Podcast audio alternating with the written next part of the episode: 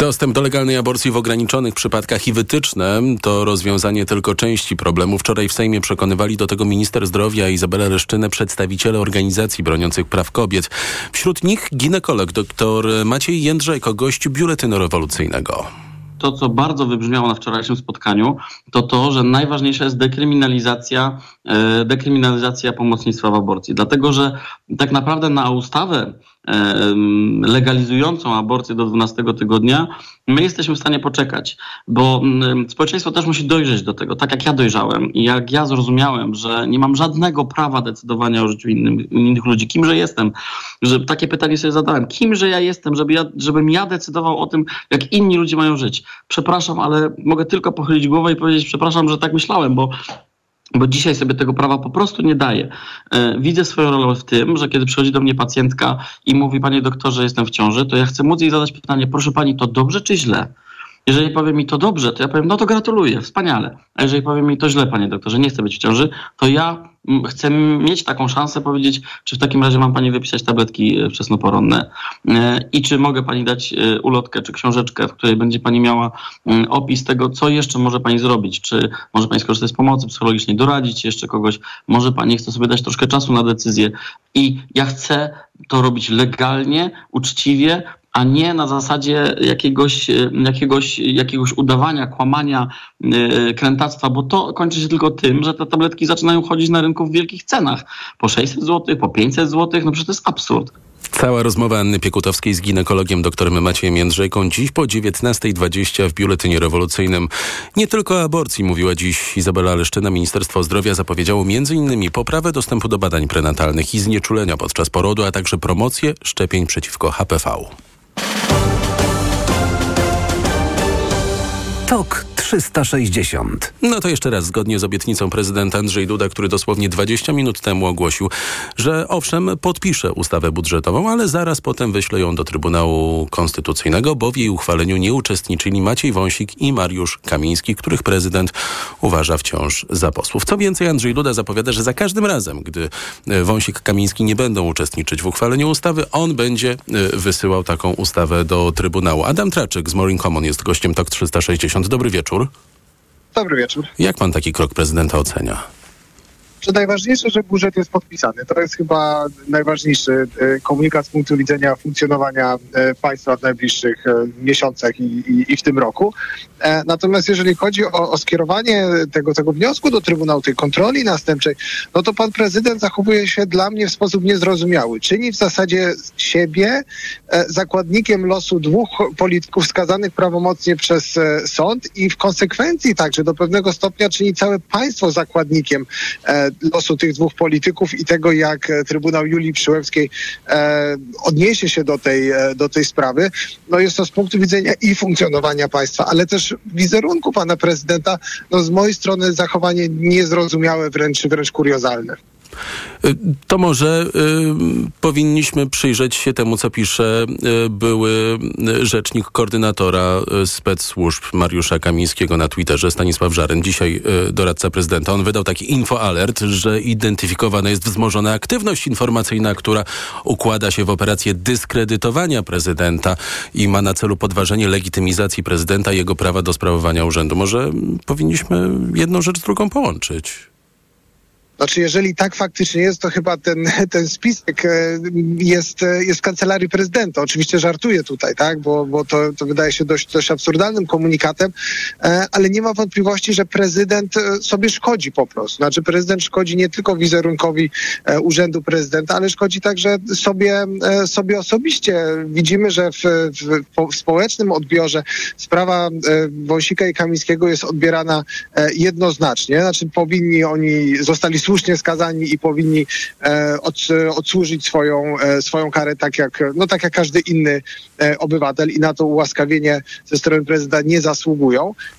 Więc, więc jeżeli dochodzi do jakiejś delegitymizacji prezydenta, czy też czy roli prezydenta i też postaci samego Andrzeja Dudy jako prezydenta, no to największą szkodę czyni, czyni on, on sobie sam z pomocą swoich, swoich ministrów, swoich doradców, całej swojej kancelarii. To już wracając na grunt zupełnie poważny, premier Donald Tusk reaguje w ten sposób na Twitterze, przepraszam, Xie, e, pisze, budżet podpisany, o to chodziło, reszta bez znaczenia, pieniądze trafią do ludzi, nic tego nie zatrzyma to jakby sygnał, że Trybunał Julii Przyłębskiej nie ma e, znaczenia. Też jeśli wziąć pod uwagę e, zapowiedzi, o których czytamy dzisiaj w Gazecie Wyborczej, e, że na przyszłym posiedzeniu Sejmu nowa koalicja zamierza się na trybu za Trybunał wziąć. No jeżeli faktycznie dojdzie do jakichś, e, jakichś reform dotyczących e, funkcjonowania Trybunału Konstytucyjnego, być może e, na poziomie, na poziomie konstytucji, czy zgłoszone zostaną takie, takie, takie propozycje, no i zostaną one oczywiście przyjęte, do czego no, potrzeba, potrzeba i odpowiedniej większości i, i podpisów samego, samego prezydenta, co wydaje się no, e, mało prawdopodobne. Niemniej pewien sposób, potrzebujemy sposobu uporządkowania tej sytuacji. Potrzebujemy też e, sposobu na odbudowę e, autorytetu Trybunału Konstytucyjnego i wyjaśnienia sobie też tych wszystkich prawnych zawiłości, które, które wokół niego narosły. Mamy sędziów, którzy nie są sędziami, mamy prezes, która w zasadzie nie jest, nie jest prezes, mamy orzeczenia Trybunału, które dotyczą materii, które, którymi Trybunał zajmować się nie powinien, czy, czy to wykracza, czy wykraczających poza, poza jego kompetencje. Więc pewne uporządkowanie tych spraw jest tutaj konieczne po to, żebyśmy po prostu mieli też e, pewność co do, co do orzekanego prawa i tego, czy ono faktycznie obowiązuje, żeby ono nie mogło być e, podważane. I z punktu widzenia funkcjonowania państwa jako pewnej całości, no te zapowiedzi e, rządu są, są na pewno godne, godne pochwały, no bo ten, ten stan zawieszenia i też pewnego, pewnego paraliżu też i tej, tej pewnej niestabilności prawnej no, długo trwać nie może. I w takich warunkach do tego Trybunału Julii Przyłębskiej, jak leci, mają trafiać wszystkie e, ustawy uchwalone bez Mariusza Kamińskiego i Macieja Wąsika. Bardzo dziękuję. Adam Traczek z Morning Common był gościem TOK 360. Przypomnę, e, prezydent Andrzej Duda podpisał ustawę budżetową, ale zdecydował, ją, zdecydował się wysłać ją w trybie kontroli następczej do Trybunału Julii Przyłębskiej. Zapowiada też, że będzie tak robił za każdym razem, gdy w uchwalaniu e, ustaw nie będą uczestniczyć uczestniczyć Mariusz Kamiński i Maciej Wąsik. Wrócę do tego tematu jeszcze dziś w TOK 360 po 19 wspólnie z mecenasem Przemysławem Rosatim, prezesem Naczelnej Rady Adwokackiej i członkiem Trybunału Stanu. TOK 360. Jeszcze dziś unijni przywódcy będą rozmawiać podczas nieformalnej kolacji w Brukseli, a jutro już oficjalnie spróbują podczas szczytu zbudować kompromis w sprawie 50 miliardów euro na pomoc dla Ukrainy, a także w sprawie rewizji unijnego budżetu. Zarówno wsparcie finansowe dla Kijowa, jak i zmiany w budżecie Unii na lata 2021-2027 blokuje premier Węgier Viktor Orban, a unijni przywódcy jeszcze przed szczytem pracują nad tym, jakby to weto Orbana obejść. Wsparcie Ukrainy powinno być jednak priorytetem absolutnie dla wszystkich, uważa pełnomocnik rządu do spraw odbudowy tego kraju, poseł klubu Koalicji Obywatelskiej. Paweł Kowal mówił Maciejowi Głogowskiemu w poranku Radia Tok FM, że Unia Europejska powinna też pracować nad tym, by w sprawach obronności być bardziej samodzielną. Warci są nasi obywatele, wyborcy tego, żeby mówić otwarcie o kwestiach bezpieczeństwa w prosty sposób. To znaczy, jeżeli cała Unia Europejska nie jest w stanie produkować amunicji, nie mówię już o, o jakichś specjalnych rodzajach mm, broni, w taki sposób, żeby dorównać kroku Putinowi, to z nami jest coś nie tak. Podczas unijnego szczytu przywódcy mają zadeklarować dalsze wsparcie dla Ukrainy i przyspieszenie dostaw amunicji i rakiet. Unia zobowiązała się dostarczyć władzom w Kijowie milion pocisków artyleryjskich, przyznaje jednak, że realizacja tego celu stale się opóźnia. TOK 360. Komisja Europejska proponuje przedłużenie zawieszenia cła na import z Ukrainy do połowy 2025 roku.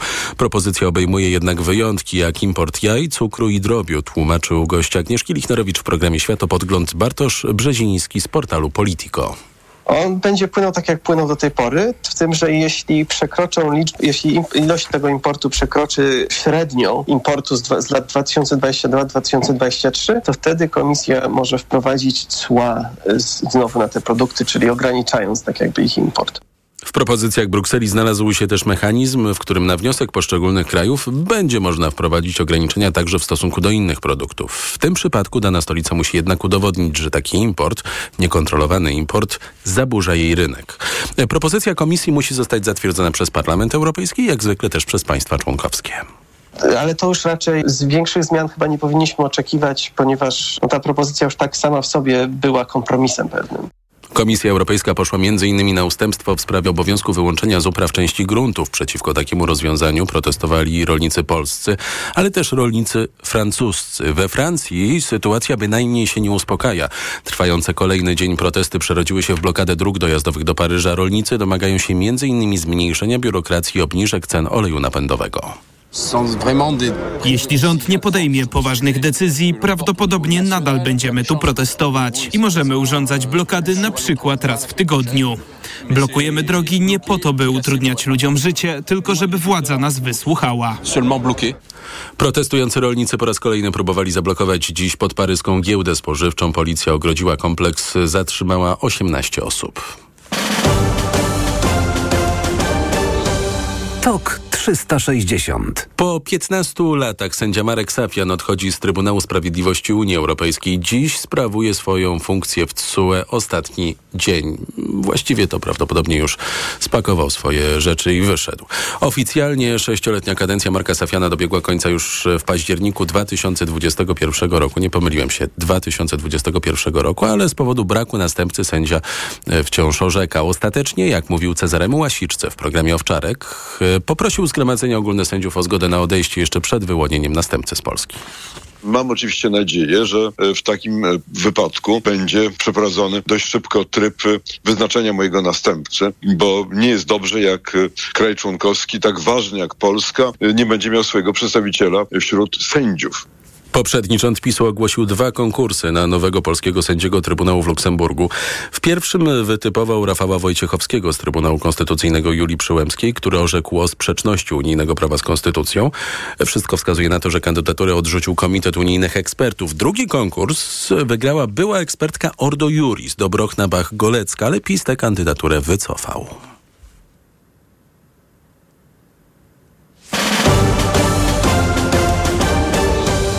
TOK 360. Zmieniamy temat.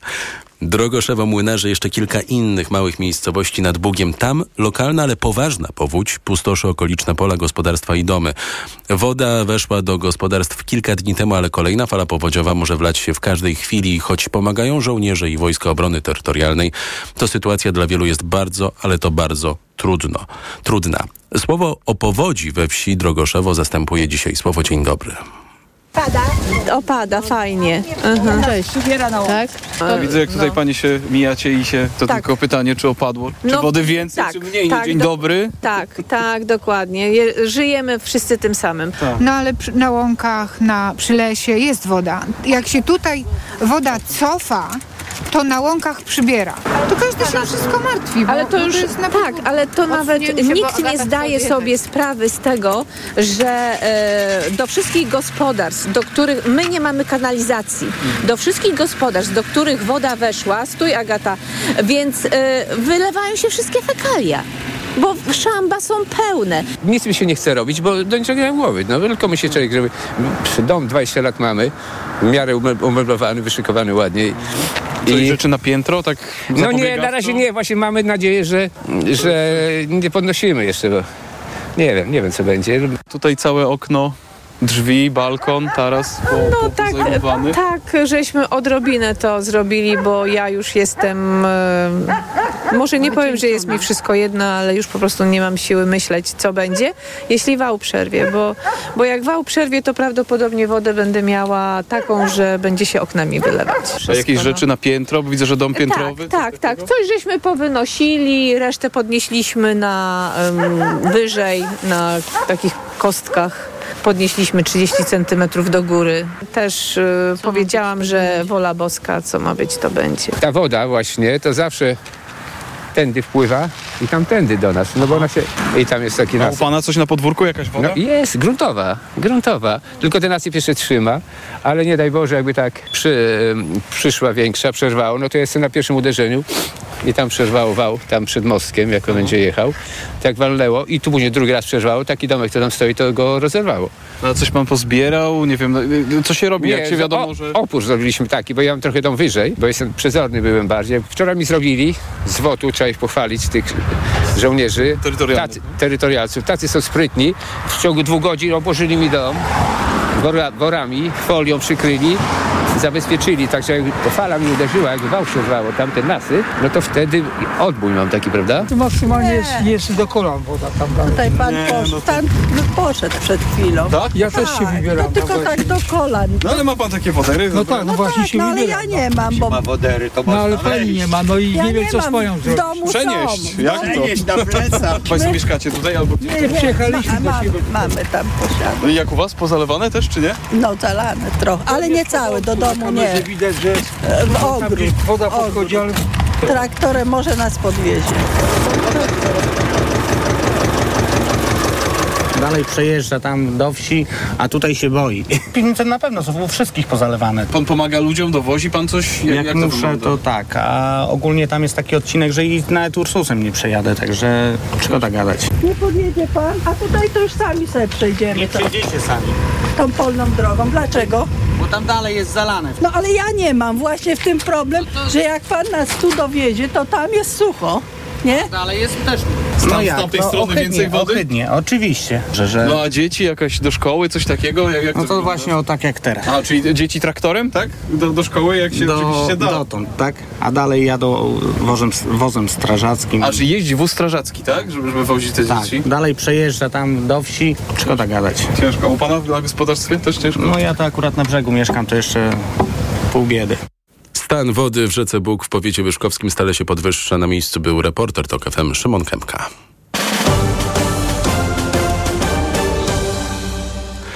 Tatrach zmniejszył się o jeden stopień poziom zagrożenia lawinowego, ale to nie oznacza, że każdy może wybrać się w wysokie góry. O tej porze roku trzeba mieć wyjątkowo dużą umiejętność i bardzo specjalistyczny sprzęt.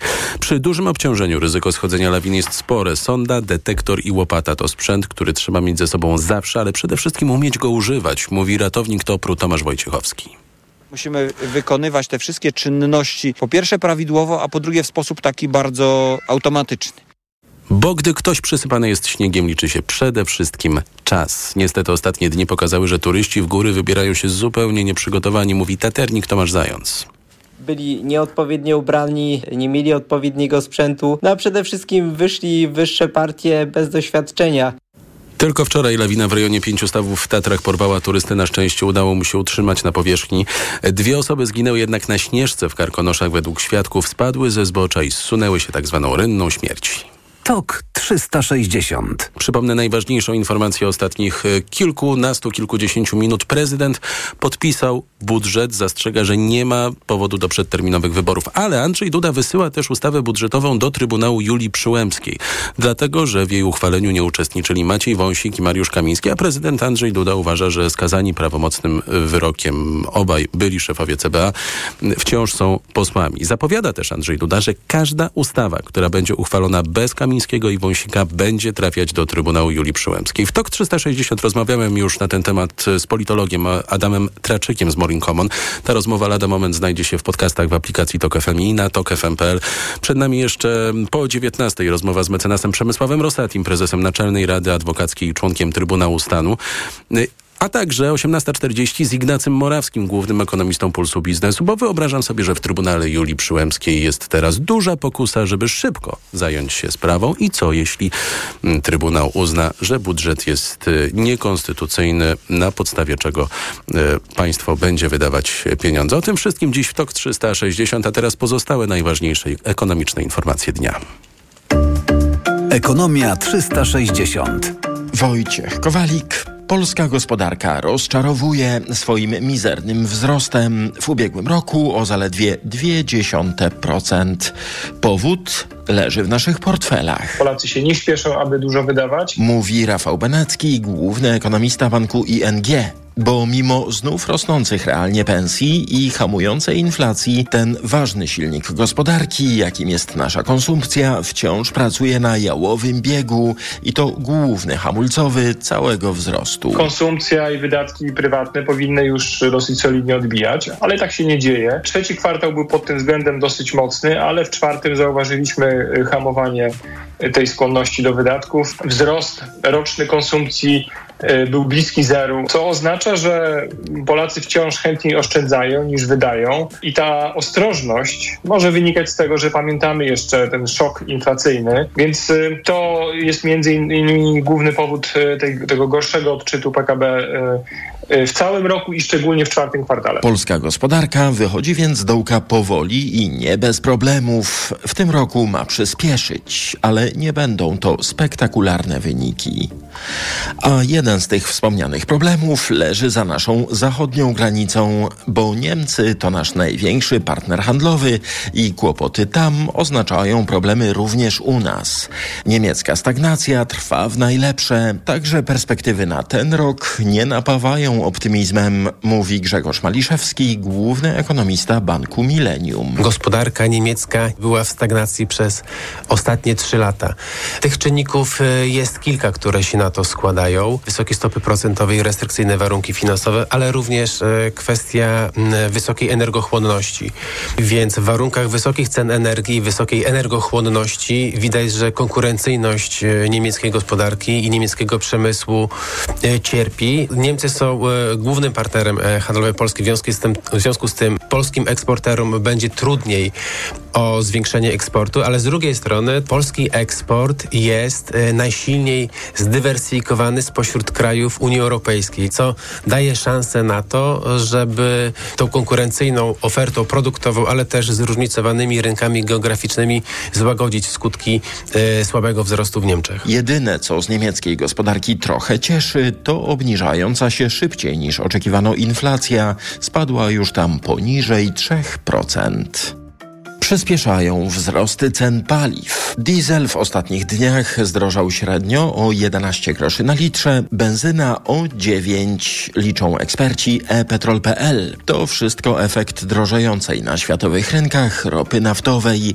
Za litr oleju napędowego trzeba płacić przeciętnie 6 zł 54 grosze, a za litr 95 6,34.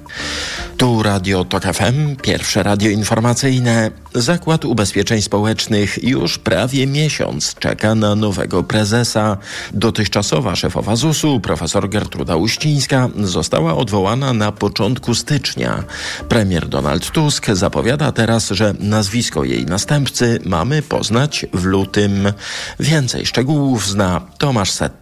Zakład Ubezpieczeń Społecznych to potężna instytucja. W całym kraju zatrudnia ponad 43 tysiące osób, mówi Agnieszka Chłoń-Dominczak z Komitetu Nauk Demograficznych PAN. Także to jest wielka firma, poza tym, że obsługuje znaczną część Polek i Polaków i pracodawców, ponieważ i zbiera składki i płaci świadczenia. A chodzi nie tylko o renty czy emerytury, ale też świadczenia chorobowe i 800+. Wreszcie ZUS musi także współpracować z przedsiębiorcami, dodaje Jacek Cieplak, wiceprezes pracodawców RP. Dlatego też czym szybciej będziemy znali nowego prezesa ZUS, tym będzie nam prościej współdziałać, ponieważ jest to instytucja, która nawet w ramach swojej Rady Nadzorczej ma przedstawicieli związków zawodowych i pracodawców. Premier zapowiedział, że powoła nowe kierownictwo ZUS, kiedy będzie miał w tej sprawie rekomendacje od ministry rodziny Agnieszki Dziemianowicz-Bąk. Tomasz Setta, TOK FM.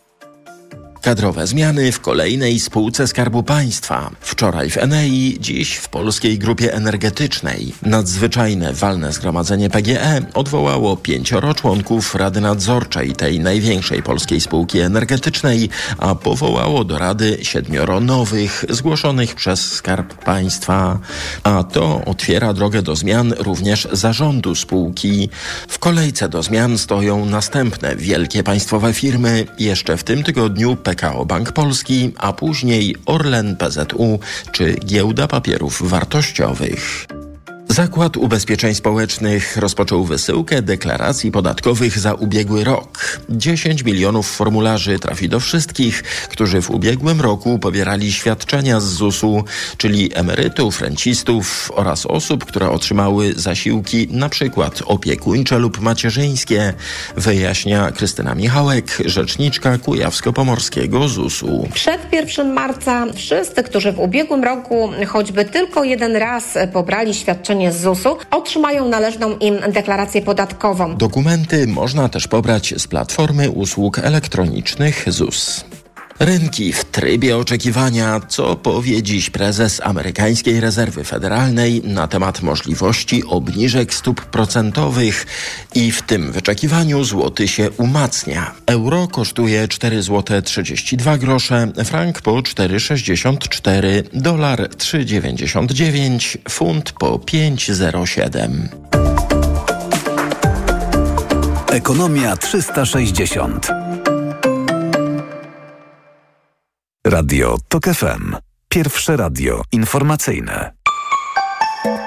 Pogoda. Jutro pochmurno, choć może się przejaśnić, zwłaszcza na zachodzie. Może też przelotnie padać deszcz. Na północy i na wschodzie deszcz ze śniegiem, na Suwalszczyźnie i w górach śnieg. Na termometrach od 2 stopni na Suwalszczyźnie właśnie i w górach, przez 5 w centrum i nad morzem do 6 na zachodzie.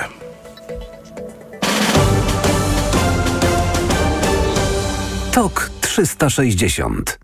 o prezydencie, który podpisał ustawę budżetową, ale mm, tą ustawą, a także wszystkimi innymi ustawami, którymi, y, pod którymi, w uchwaleniu których, o tak powinien powiedzieć, w uchwaleniu których nie będą brać udziału Mariusz Kamiński, Maciej Wąsik chce chyba sparaliżować Trybunał Konstytucyjny. O nim jeszcze dziś w TOK 360 y, za nieco ponad 10 minut i za nieco ponad pół godziny, a za chwilę mecenas y, Kamila Ferenc będzie moją gościnią, prawniczka Federacji na Rzecz Kobiet i Planowania Rodziny Federa, o wytycznych w sprawie aborcji, których dzisiaj nie poznaliśmy, ale też o pewnej groźbie, y, którą ministra zdrowia Izabela Reszczyna kieruje pod adresem szpitali, które mimo kontraktu z NFZ będą odmawiać legalnych aborcji. Reklama. Potrzebny mi nowy dostawczak od ręki. Toyota. Z ładownością do 1000 kg. Toyota. A do tego w leasingu 101%. Toyota. No i z gwarancją do 3 lat i miliona kilometrów. Toyota, a konkretnie ProAce City.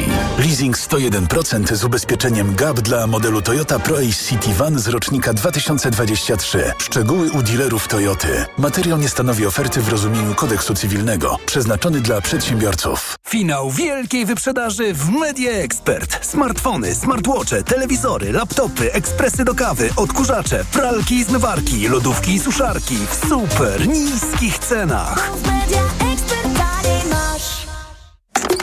Aniu, zobacz, kolejny raz wyświetla mi się ta reklama. Świetna inwestycja, gwarancje rządowe. Oj, nawet ten twój ulubiony aktor ją poleca. Pokaż. A, wiesz co, mnie wydaje się to podejrzane. Ty zawsze masz jakieś wątpliwości. I słusznie. Według danych Urzędu Komisji Nadzoru Finansowego w ostatnim roku oszustwa na fałszywe inwestycje stały się jednym z najpopularniejszych sposobów wyłudzania pieniędzy. Uważaj, gdzie i komu udostępniasz swoje dane. Więcej informacji o cyberoszustwach znajdziesz na knf.gov.pl. Reklama. TOK 360. Gościnią TOK 360 jest mecenas Kamila Ferenc, prawniczka Federacji na Rzecz Kobiet i Planowania Rodziny Federa. Dobry wieczór. Dobry wieczór. Nie poznaliśmy dzisiaj wytycznych Ministerstwa Zdrowia w sprawie y, aborcji, choć trochę niektórzy się tego y, spodziewali. Poznamy je za mniej więcej miesiąc, bo te przygotowane przez y, zespół powołany przez rząd Prawa i Sprawiedliwości okazały się niewystarczające, tak mówi ministra zdrowia y, Izabela Leszczyna. Te nowe zalecenia, które poznamy za około miesiąc, mają być zgodne z wytycznymi Światowej Organizacji Zdrowia. Co jest w tych wytycznych WHO i jak to się może przełożyć na te zalecenia, które, które będą dotyczyć tego, kiedy można przerwać ciążę ze względu na zagrożenie życia, zdrowia kobiety? Wytyczne WHO, które teraz są adaptowane i tak naprawdę przepisywane na potrzeby polskich realiów przez Polskie Towarzystwo Zdrowia Seksualnego i Reprodukcyjnego, w której skierowane przez dr Michalinę Drejzę ja mam przyjemność reprezentować Fundację Federa w, w, tym, w tych pracach i koordynuję pisanie mm, wytycznych prawnych. No właśnie, to te wytyczne dzielą się na, na wytyczne kliniczne, systemowe i prawne i one dają wskazówki lekarzom. Tak naprawdę protokół postępowania bardzo jasny, klarowny i oparty przede wszystkim na najnowszej wiedzy medycznej, przeglądzie e, literatury i badań, mm, na, e, na dowodach, tak? To są wytyczne oparte na dowodach, które pokazują lekarzom, jak na przykład dawkować leki do aborcji, jak zorganizować system opieki zdrowotnej, żeby pacjentki były dobrze zaopiekowane, miały e, efektywny dostęp do aborcji, a nie były odsyłane, tak jak się to dzisiaj dzieje w, w Polsce. Jak należy pewne kwestie prawne uregulować. No i tutaj na przykład Światowa Organizacja Zdrowia rekomenduje pełną dekryminalizację aborcji, e, rekomenduje e, taki sposób uregulowania klauzuli sumienia, żeby mm, nie zagrażało to e, udzielaniu świadczeń zdrowotnych, takich jak przerywanie ciąży. Rekomenduje przede wszystkim odejście od prawa, które opiera się na ścisłych, restrykcyjnych przesłankach jako wyjątkach, które są interpretowane zawężająco, ażeby przede wszystkim przejść na aksjomat woli y, kobiety czy osoby w ciąży. Tu można wymieniać i wymieniać. W całość Państwo poznacie 29 lutego, na kiedy zaplanowana jest premiera tych wytycznych. Ja się bardzo cieszę, że pani minister zdrowia Izabela Leszczyna podjęła tak y, wspaniałą decyzję, na skutek też wczorajszych konsultacji w Sejmie z organizacjami pozarządowymi, że ona nie opublikuje tych wytycznych zespołu niedzielskiego, a właśnie y, poprze te wytyczne Polskiego Towarzystwa Zdrowia Reprodukcyjnego i do tego powstaną jeszcze wytyczne takie proceduralne, w których opracowaniu na pewno Fundacja Federa pomoże. A czy w tych e, zaleceniach Światowej Organizacji Zdrowia, które jak rozumiem mają się przełożyć na to, co poznamy za dokładnie e, miesiąc. E, I są wskazówki, jak stosować tę niezwykle ważną w obecnej sytuacji po wyroku Trybunału Julii Przyłębskiej przesłankę zagrożenia życia i zdrowia kobiety.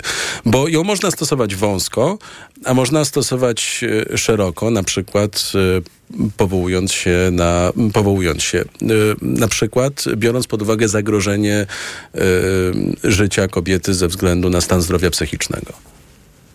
Jak najbardziej te wytyczne się do tego odnoszą i to będzie dobre źródło wiedzy dla lekarzy i tak jak mówię, zaletą tych wytycznych Polskiego Towarzystwa e, Zdrowia Reprodukcyjnego e, jest ich kompleksowość i to, że one naprawdę zajmują się e, każdym, prawie każdym aspektem. No może prawie każdym, bo rzeczywiście one będą miały taki charakter wytycznych też ratunkowych, bo aborcji można pisać i pisać i, i pewnie no nie będą jeszcze tak wyczerpywać w 100% tego tematu i, i przed nami kolejne prace, ale na ten moment to będzie naprawdę nadrobienie tych 30 lat zaniedbań wobec kobiet, których się dopuścił samorząd lekarski czy towarzystwa naukowe, medyczne, dotychczasowe autorytety, autorytety medyczne, które o aborcji potrafiły tylko mówić jako o czymś kontrowersyjnym. Natomiast chcę powiedzieć, Ale ja też widzę w tym o...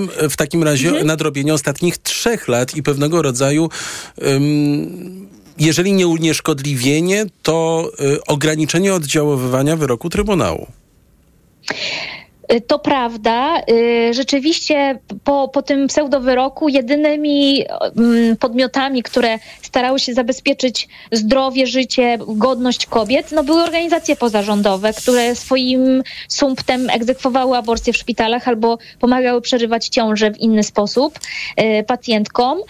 Natomiast trzeba też powiedzieć, że mamy tutaj jako Fundacja Federa pewne osiągnięcie na polskim polu, tak? Czyli nie tylko wytyczne WHO, które mówią o tym, że zdrowie to też zdrowie psychiczne i jak należy y, tę przesłankę zdrowotną, zagrożenia zdrowia interpretować, jak zadbać o kobietę, że trzeba to traktować w, trybie pilnym, ale tutaj też udało nam się uzyskać decyzję Rzecznika Praw Pacjenta, a także stanowiska idące za tą decyzją Rzecznika Praw Obywatelskich, Ministerstwa Zdrowia, Komitetu Bioetyki Polskiej Akademii Nauk, które rzeczywiście podkreślają, że absolutnie zagrożenie dla zdrowia psychicznego jest autonomiczną przesłanką do przerwania ciąży dla pacjentki. Ona nie musi mieć nawet zagrożenia życia. Ona nie musi mieć bezpośredniego zagrożenia tego zdrowia. Ona nie musi, wystarczy ryzyko pogorszenia się jej stanu zdrowia. Ona nie musi też podejmować leczenia, udowadniać, że jakieś leczenie się nie powiodło. Ona nie musi czekać, aż przestanie bić serce płodu, bo jej zdrowie, już samo zdrowie, w tym zdrowie psychiczne, jest priorytetem. I to już jest dzisiaj w prawie, to już jest dzisiaj w orzecznictwie tak zwanym, czyli właśnie w, w decyzjach chociażby Rzecznika Praw Pacjenta na skutek naszych skarg. I, I te decyzje Rzecznik już kilkukrotnie powtórzył, bo my tych skarg założyliśmy całkiem sporo, tych spraw, więc my tutaj też mamy te nasze polskie standardy i o nich Ministerstwo Zdrowia powinno przypomnieć dzisiaj szpitalom, więc ja czekam, aż zostaną wydane wytyczne Polskiego Towarzystwa. Ministerstwo wyśle je do szpitali i oprócz tego dołączy do tego jakieś takie przypomnienie tego, co dzisiaj w polskim prawie na temat aborcji jest, a czego tam absolutnie nie ma i czego szpitalom robić nie wolno. Czyli nie wolno to, stosować o czym ministerstwo już dzisiaj przypomina e, szpitalom, tak. to jest e, kwestia e, tego, że jeżeli macie kontrakt z NFZ-em, to macie przeprowadzać legalne aborcje, dlatego że klauzula sumienia nie rozciąga się na cały e, szpital, na cały oddział, tylko dotyczy poszczególnych e, lekarzy. E, z Pani doświadczeń, Pani jest spokojna o działanie w praktyce tych zaleceń, czy może pojawić się jednak pewien opór środowiskowy? Skoro słyszymy na przykład, że w całym województwie podkarpackim, czy też w większej liczbie województw w ogóle nie przeprowadzono tych oficjalnych zabiegów aborcji. Zacznę od dygresji.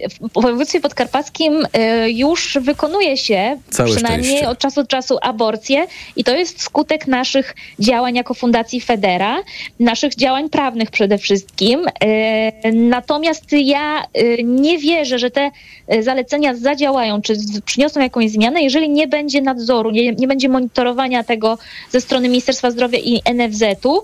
Muszą, co, o czym powiedziało dzisiaj to zabawne Naczelna Izba Lekarska, która twierdzi, że do tej pory ministerstwo nie wykonywało prawa, bo nie karało za nadużywanie klauzuli sumienia. No to właśnie teraz powinno zacząć pokazywać, że nie wolno bezprawnie tej klauzuli sumienia wykorzystywać przeciwko pacjentkom tak naprawdę, zagrażając ich zdrowie i bezpieczeństwo i trzeba te konsekwencje wyciągać. Szpitale i lekarze nie mogą być bezkarni, więc jeżeli rzeczywiście za tą deklaracją i za tym sygnałem dla szpitali pójdzie jeszcze e, monitoring i sankcja, no to wtedy będę spokojna. Ale to się jeszcze musi zadziać i my musimy powiedzieć sprawdzam. Mecenas Kamila Ferenc, prawniczka Federacji na Rzecz Kobiet i Planowania Rodziny, była gościnią Federa. Była gościnią TOK 360. Za chwilę Ignacy Morawski, główny ekonomista Pulsu Biznesu. TOK 360. Reklama. Za dużo obowiązków, za mało odpoczynku. Przez to wciąż czułam się zmęczona i dlatego byłam przygnębiona. To niestety odbijało się na naszych relacjach. Mama była smutna i zmęczona. Na szczęście mam to za sobą, a pomógł mi Mebevit B kompleks, skuteczne wsparcie układu nerwowego. Suplement diety Mebevit zawiera kompleks aż siedmiu witamin z grupy B dla sprawnej pracy umysłu. Teraz jestem mniej zmęczona i dzięki temu odzyskałam dobry nastrój. Mebevit B kompleks. Odzyskaj balans. Zdrowit. Porozmawiajmy o zakładaniu firmy. Jest z nami Radek Kotarski. Panie Radku, czy zna pan słowo infakt? Oczywiście, że tak. Co to znaczy infaktować? Infaktować to prowadzić firmę bez zmartwień. A ten, kto infaktuje? Ten wystawia faktury w aplikacji Infakt, a księgowy z Infaktu dba o porządek w księgowości. Infaktycznie. Załóż firmę bezpłatnie i bez wychodzenia z domu na infakt.pl. Infakt. Zakładanie firm i księgowość w jednym miejscu. Polecamy. Wodek Markowicz i Radek Kotarski. Dania Frosty. Wiemy, co robić, by były pyszne. Przygotowujemy je z naturalnych składników, bez dodatków do żywności. A ty wiesz, co z nimi zrobić? Na patelni gotowe. Dania Frosty. Jest pysznie. Frosta. Smaczna i prosta.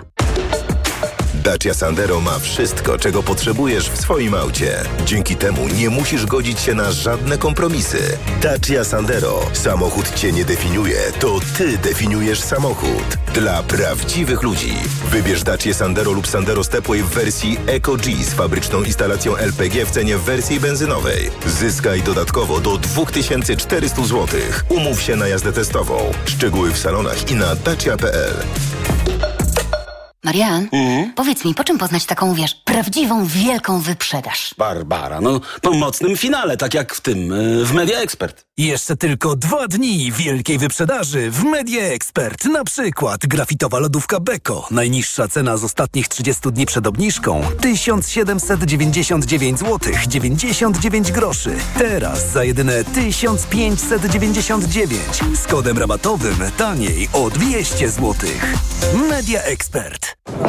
Aniu, to był miły wieczór. Buziak na pożegnanie. Jasne. Uuu, Coś nie tak? Chyba jednak nie czuję mięty. Ten wieczór dla Marka zakończył się jak zawsze. A wystarczyło, żeby zastosował suplement diety Halitomin. Jego oddech pozostałby świeży, a Anna by nie uciekła.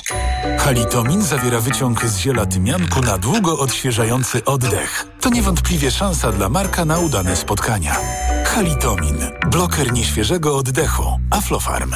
Rodzice dobrze wiedzą, że zdrowe dzieci to szczęśliwe dzieci. Dlatego, gdy pojawia się gorączka lub ból oraz w przebiegu przeziębienia, Nurofen działa potrójnie. Przeciwgorączkowo, przeciwbólowo i przeciwzapalnie. Obniża gorączkę już w 15 minut i działa aż do 8 godzin. To jest lek. Dla bezpieczeństwa stosuj go zgodnie z ulotką dołączoną do opakowania i tylko wtedy, gdy jest to konieczne. W przypadku wątpliwości skonsultuj się z lekarzem lub farmaceutą.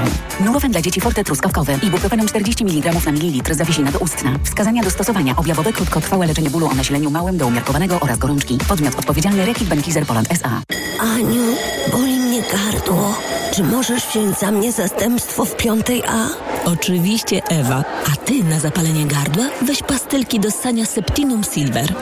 Wyrób medyczny Septinum Silver dzięki zawartości nanosrebra wspomaga leczenie infekcji bakteryjnych i wirusowych gardła. Łagodzi ból, chroni i nawilża gardło. Septinum Silver. Pierwsza pomoc przy bólu gardła. Dostępny także w sprayu. Producent oraz podmiot prowadzący reklamę Zdrowit.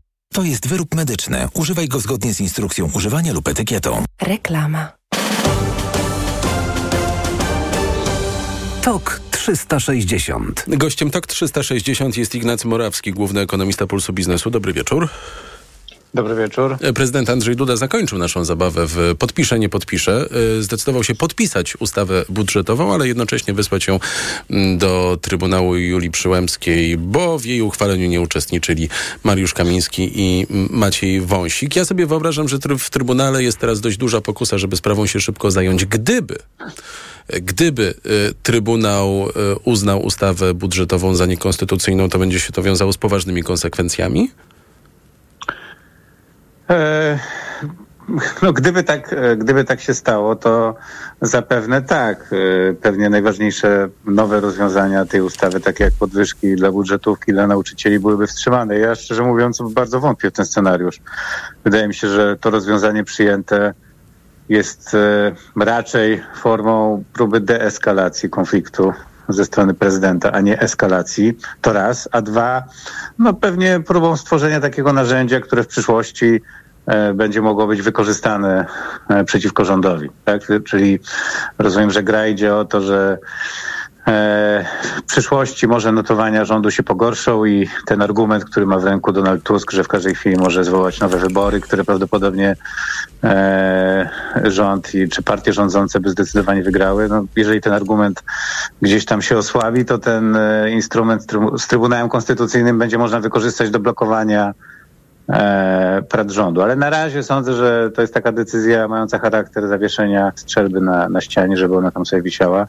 Nie, nie jest to decyzja, która w jakiś sposób zaburzy działanie e, państwa i nie doprowadzi, to jest najważniejsze, z ekonomicznego punktu widzenia, najważniejsze jest to, że podwyżki płac budżetówce i dla nauczycieli wejdą w życie, bo to jest taki element istotny też w kalkulacjach tego, jakie będzie ożywienie popytu konsumpcyjnego w tym roku, jaki będzie wzrost płac i tak dalej. Więc to jest pewnie najważniejszy element tej całej układanki z ekonomicznego punktu widzenia z krótkookresowej perspektywy. To jest może ważne w tym kontekście, że GUS podał dzisiaj y, szacunek, że PKB Polski wzrósł w ubiegłym roku o 0,2%. W 2022 to było dla porównania 5,3%. Martwić się, nie martwić? No, dane są trochę gorsze od oczekiwań i one pokazują, że ożywienie gospodarcze jest nieco bardziej płaskie. Tak? Czyli generalnie jest e, w gospodarce trochę lepiej, wychodzimy z dołka, ale wychodzimy trochę wolniej niż oczekiwano. E, to są dane za cały zeszły rok. Tak? Natomiast to, co jest w nich najciekawsze, to pewne informacje, które możemy wyczytać, wyłuskać z tych danych na temat ostatniego kwartału. Bo już wcześniej mieliśmy dane za trzy kwartały, teraz GUS dane podał, za, podał dane za cały rok, więc na, najważniejsza rzecz to jest, żeby wyłuskać z tych danych, co się działo w czwartym kwartale. Więc można wnioskować, że w samym czwartym kwartale wzrost PKB wyniósł około 1%. Tak? Oczekiwania na rynku były takie, że ten wzrost będzie około 1,5%. No więc e, no niby pół punktu procentowego to może wydawać się mało, ale to wcale tak mało nie jest. Więc, więc to ożywienie jest trochę powolniejsze. I teraz główną przyczyną, dlaczego ożywienie gospodarcze jest, jest, jest bardziej płaskie, jest to, że e, konsumpcja e, rośnie znacznie wolniej od oczekiwań. Tak? Mimo, mimo tego, że realne wynagrodzenia rosną, bo inflacja odpuściła, realne wynagrodzenia rosną, to konsumpcja nie rośnie. I teraz pewnie można postawić wiele hipotez, dlaczego. No, jedna z takich głównych jest taka, że, że roś, rosną oszczędności. Tak? Czyli po dwóch latach e, dewastacji budżetów gospodarstw domowych przez inflację. Teraz gospodarstwa domowe zdecydowały, że najpierw więcej oszczędzą, a może później będą więcej wydawać. Ale ja nie jestem przekonany, czy to jest y, jedyne i, i najważniejsze wyjaśnienie. Inna możliwość jest taka, że to był ten okres, kiedy nastąpił gwałtowny przyrost popytu na mieszkania, prawda? Związany z, z, z programem Bezpieczny Kredyt na 2%. Ogromny przyrost y, e, akcji kredytowej, ogromny przyrost sprzedaży mieszkań. E, I możliwe, że część ludzi, którzy kupowali mieszkania, chciała szybciej e, oszczędzić na wkład własny. Tak więc to wtedy mógłby być taki trochę przejściowy efekt. No jeszcze jakieś inne wyjaśnienia tej, tej, tej, tej zagadkowej, słabej dynamiki konsumpcji są statystyczne. Tak? Może GUS ma jakiś problem z szacowaniem niektórych wielkości. Tak się zdarzyło. Rok wcześniej pierwsze szacunki GUS-u pokazywały spadek konsumpcji, by po kilku rewizjach e, e, e, wyjść na plus, tak? Czyli ta konsumpcja po kilku rewizjach danych wyszła na plus, więc trzeba pamiętać, że zawsze do danych statystycznych musimy podchodzić z pewną rezerwą e, i patrzeć raczej na zbiór danych i to, jakie są trendy, a nie na to konkretnie, co pokazuje jeden odcinek. Bardzo dziękuję. Ignacy Morawski, główny ekonomista Pulsu Biznesu, był e, z nami w tej krótkiej rozmowie w TOK 360. Za chwilę dr Piotr Zagórski z Uniwersytetu Autonomicznego w Madrycie i Uniwersytetu e, SWPS. Wygląda na to, że e, większość rządowa w Hiszpanii ma poważne kłopoty, a to dlatego, że nie zdecydowała się pomóc trochę katalońskim separatystom.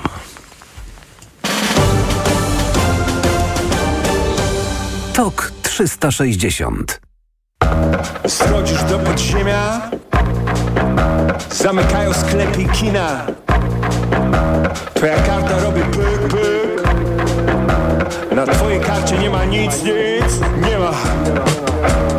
Morza Nie ma. Tłumów Nie ma. Nic, nic Nie ma. Tylko wspomnienia z dzieciństwa. Takie sobie to dzieciństwo. Taka sobie architektura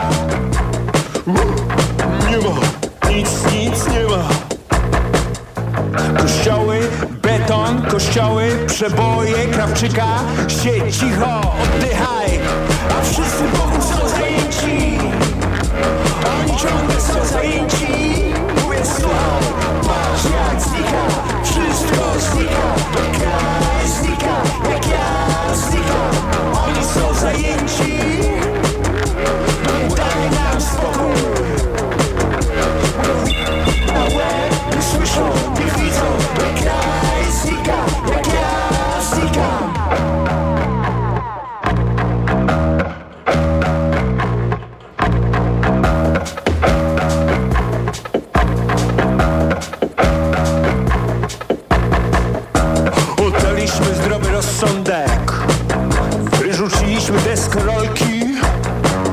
Nie łamiemy reguł To tylko wspomnienia.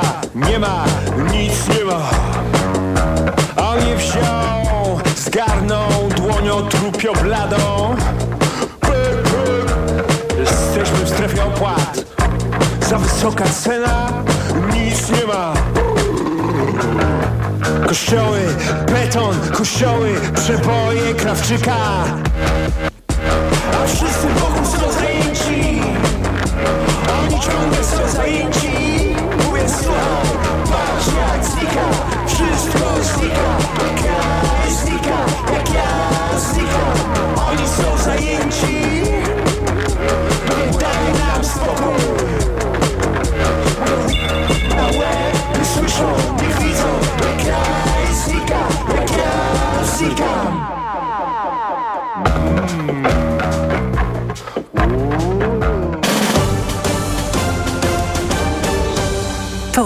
360 Gościem TOK 360 jest teraz dr Piotr Zagórski z Uniwersytetu Autonomicznego w Madrycie i Uniwersytetu SWPS. Dobry wieczór. Dobry wieczór. Na koniec wczorajszego TOK 360 zdążyłem dać znać, że Kongres Deputowanych, niż, niższa Izba Hiszpańskiego Parlamentu odrzuciła ustawę o amnestii, która objęłaby katalońskich separatystów.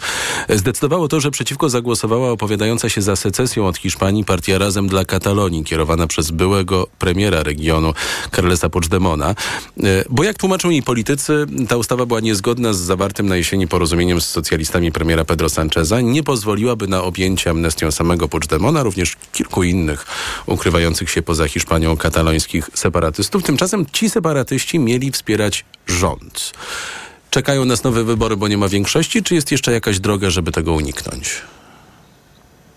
E, myślę, że do, do, do, do nowych wyborów jeszcze, jeszcze droga jest dość daleka, ale tutaj jedna poprawka, no bo to jednak Bardzo proszę. przedstawił pan wizję e, tej partii rząd właśnie, która, która wczoraj zagłosowała przeciwko w pewnym sensie, tak? Bo to, to, to, to nie jest tak, że, mm, że, że, że, że prawo na temat amnestii, na, który, na którym debatował wczoraj, wczoraj parlament, było niezgodne jakoś z linią y, partii rząd. Ono było, bo to było wszystko dogadane prze, przed, y, zanim powołano rząd.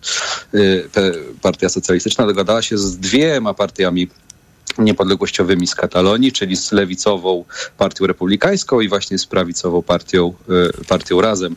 I tam było ustalone dosyć dokładnie, co właśnie w prawie na temat amnestii będzie uwzględnione. Z tym, że to, to co się stało, to niedawne yy, orzeczenia sądu, czy raczej sygnały z sądu, że Carles Puigdemont, czyli były premier właśnie z partii Junts, może, mogą mu zostać postawione nowe zarzuty, związane z terroryzmem i z e, też e, taki związany z, z, z, z, mm, dogadywaniem się jakby za plecami rządu hiszpańskiego, ewentualnym z Rosją.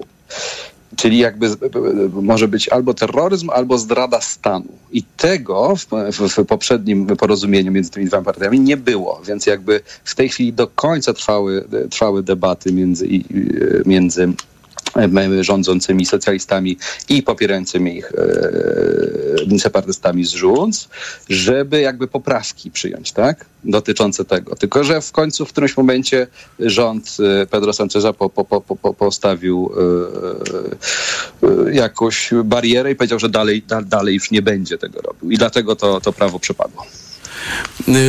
Dlaczego się na to zdecydował? Ma jakiś e, plan B, plan e, C? Ja rozumiem też, że oczywiście zarzuty o e, współpracę z Rosją, tam zresztą miało chodzić między innymi o wspólne interesy na kryptowalutach, są niezwykle poważne w dzisiejszych, w dzisiejszych czasach. Oczywiście, trzeba pamiętać, że to było, to było sporo lat temu, ale fakt faktem y, no, też y, to sporo wiadomo, ponieważ y, rząd Katalonii był nagrywany. To jest ko ko kolejny aspekt tej sprawy, że też rząd używał Pegasusa, żeby podsłuchiwać niepodległościowców, więc dosyć dużo materiału mają i faktycznie doszło do jakiegoś spotkania, więc na pewno to jest to poważne zarzuty. Do niczego co prawda nie doszło, no bo tam zdaje się, że Rosjanie obiecywali 10 tysięcy żołnierzy, nie wiem, 500 milionów miliardów euro i, i zdaje się za, za to, żeby Katalonia miała być ewentualnym jakimś krajem do prania brudnych pieniędzy i właśnie kryptowalut, jak pan powiedział. Do tego oczywiście nie doszło, więc nie wiadomo za bardzo, gdzie e, e, doprowadzi ta, e, ta sprawa sądowa, no ale fakt faktem, Wygląda to trochę tak, że, że, że rząd dopóki y, wszystkich możliwych furtek nie zamknie ewentualnego postawienia jakiegokolwiek zarzutu Puigdemontowi, to będzie torpedował y, y, tą, tą ustawę. Mają w tej chwili 15 dni, bo to wraca do Komisji Sądownictwa w, w w parlamencie, no i mają 15 dni, żeby jeszcze ewentualnie jakieś poprawki wprowadzić, ale wygląda, że, że, że w tej chwili idzie raczej na starcie. Ale to nie oznacza, że od razu upadnie rząd. No. A Sanchez co w tej Zobaczymy, sprawie może? Co będzie. Y, Sanchez to w tej prawie może, no y, i Sanchez i tak bardzo dużo ryzykuje samym tym prawem, bez dodatku ewentualnego terroryzmu, czy tej y, kwestii Tak, jest bardzo tak krytykowany bardzo za to. jest krytykowany z prawej strony. No pewnie częściowo też, też, też jakby sensownie. Próbuje sprzedawać, że to chodzi o, o jakby mm, y, konkordię i o, o, o, o, o, o, o przywrócenie y, pokoju i, i, i, i ładu społecznego i, i, i przyjacielskich relacji między Katalonią a, a, a, a Madrytem, no nie, nie, do końca chyba wy, wychodzi w praniu, że tak naprawdę chodzi o to, żeby ci ludzie, którzy, którzy, którzy wtedy no nie do końca się zachowali według prawa, nie, nie, nie poszli do więzienia jednak. Albo ci, niektórzy oczywiście zostali zwolnieni, no ale, ale chodzi o to, żeby, żeby przede wszystkim jakby dla zewnętrznego obserwatora wygląda na to, że chodzi o to, żeby Puigdemont nie, nie poszedł do więzienia, no a to nie jest jakby mm, temat, który, który jest chodliwy, powiedziałbym, dla społeczeństwa hiszpańskiego, więc, więc, więc Pedro Sanchez tutaj faktycznie po kruchym locie stąpa. Robiąc krok e, do tyłu i spoglądając e, mo, może z odrobinę większym dystansem niż tylko na te wydarzenia z e, ostatnich kilkudziesięciu godzin, jaka jest perspektywa normalizacji stosunków między władzami Hiszpanii a Katalonią? No i tu właśnie wydaje mi się, że tutaj PSOE trochę, czyli Partia Socjalistyczna troszkę jakby skupia się tylko na tej amnestii, a nie za bardzo oferuje poza jakby dialogiem, otwartością na dialog. Nie, nie, nie ma żadnego konkretnego planu. Kiedyś, e, kiedyś ta partia mocno forsowała e, na przykład pomysł federalizacji Hiszpanii. Wiadomo, że Hiszpanii, hiszpańskie regiony się bardzo różnią i mają sporo autonomii w tej chwili, ale być może, być może jest to jakaś droga, żeby, żeby, żeby Katalonia lepiej jakby wpasowała się w, w, w system hiszpański, gdyby to poszło w stronę federalizacji. No i to kiedyś było na sztandarach partii socjalistycznej, ale jakoś gdzieś, gdzieś się rozmyło. No więc na pewno to, co trzeba zrobić, to wrócić do, do negocjacji na temat nowego statusu autonomicznego, który był przegłosowany jeszcze za poprzednich rządów socjalistów, za Zapatero i on był i przegłosowany w parlamencie w katalońskim i poparty tam w referendum i był przegłosowany w parlamencie w Madrycie, z tym, że Trybunał Konstytucyjny go okroił dość znacznie wtedy. Ale to jest jakaś droga, jakaś droga e, dogadania się. Też widzimy, że, że Pedro Sanchez idzie na pewno ustępstwa. Parę tygodni temu też e, ustąpił i, i e, oddał, e, oddał kompetencje, jeśli chodzi o politykę migracyjną, tak? która zwykle jednak zależy od, od państwa. Tam też były przepychanki, na ile faktycznie oddał albo nie oddał. Co, co jest jeszcze inny aspekt tej sprawy, który jest ważny, to to, że w tej chwili dwie partie bardzo mocno ze sobą rywalizują w, w Katalonii, żeby być jakby